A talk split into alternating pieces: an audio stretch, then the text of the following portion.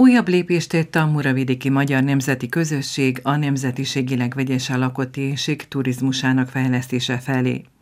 És ezt a lépést a Muravidékre című kiadvány képezi, amely, mint már a bevezetőben is elhangzott, a Magyar Nemzeti Közösség gazdasági alapjának serkentési programja keretében a Kerekperec magazin külön számaként jelent meg.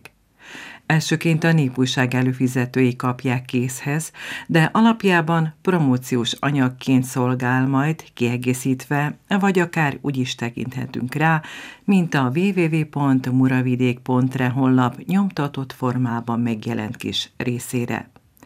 Az elérhetőségéről és tartalmáról Fehérbe a, a csúcs szervezet szakmai munkatársa a következőket nyilatkozta tehát elérhető lesz majd utólag az itteni tájházakban is, esetleg majd a Bánfi központban is, illetve nálunk is majd még található lesz a kiadványból néhány szám. Tehát előtérbe kerül az öt kétnyelvű községen belül látnivalók, nevezetességek, egyébként pedig hat témakört ölel fel, az első témakör a Muravidéki tájházak. Bemutatásra kerül a Dobronaki, a Kapornaki, a Szent Lászlói és a Domonkosfai tájház. A következő témakör a kultúrtörténeti barangolás. Itt lényegében tudni kell, hogy számos történelmi és kulturális látnivalóval rendelkezünk. Így bemutatták például a Várkastélyt, az itteni múzeumokat, a színházat, továbbá olvashatnak majd az Ernyőgyárról is, akkor az egykori állami polgári iskoláról, akkor például a koronaszállóról, illetve a Massenauer romkastélyról is. A harmadik témakör a szakrális emlékek.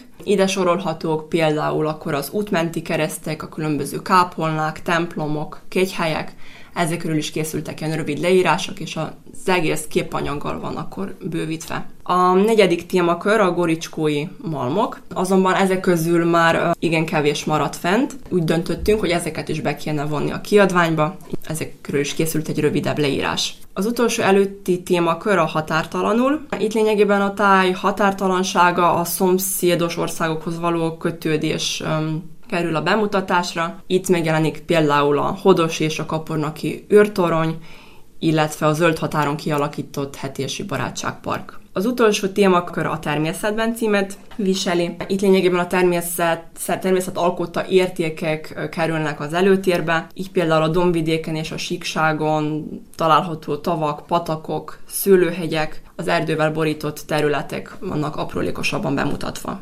Azt még kiemelném, hogy a leírásokat több fotó kíséri, illetve minden fotónál megtalálhatók a GPS koordináták is, így az olvasó könnyebben rákereshet, és megtalálhatja akkor az adott látnivaló helyét.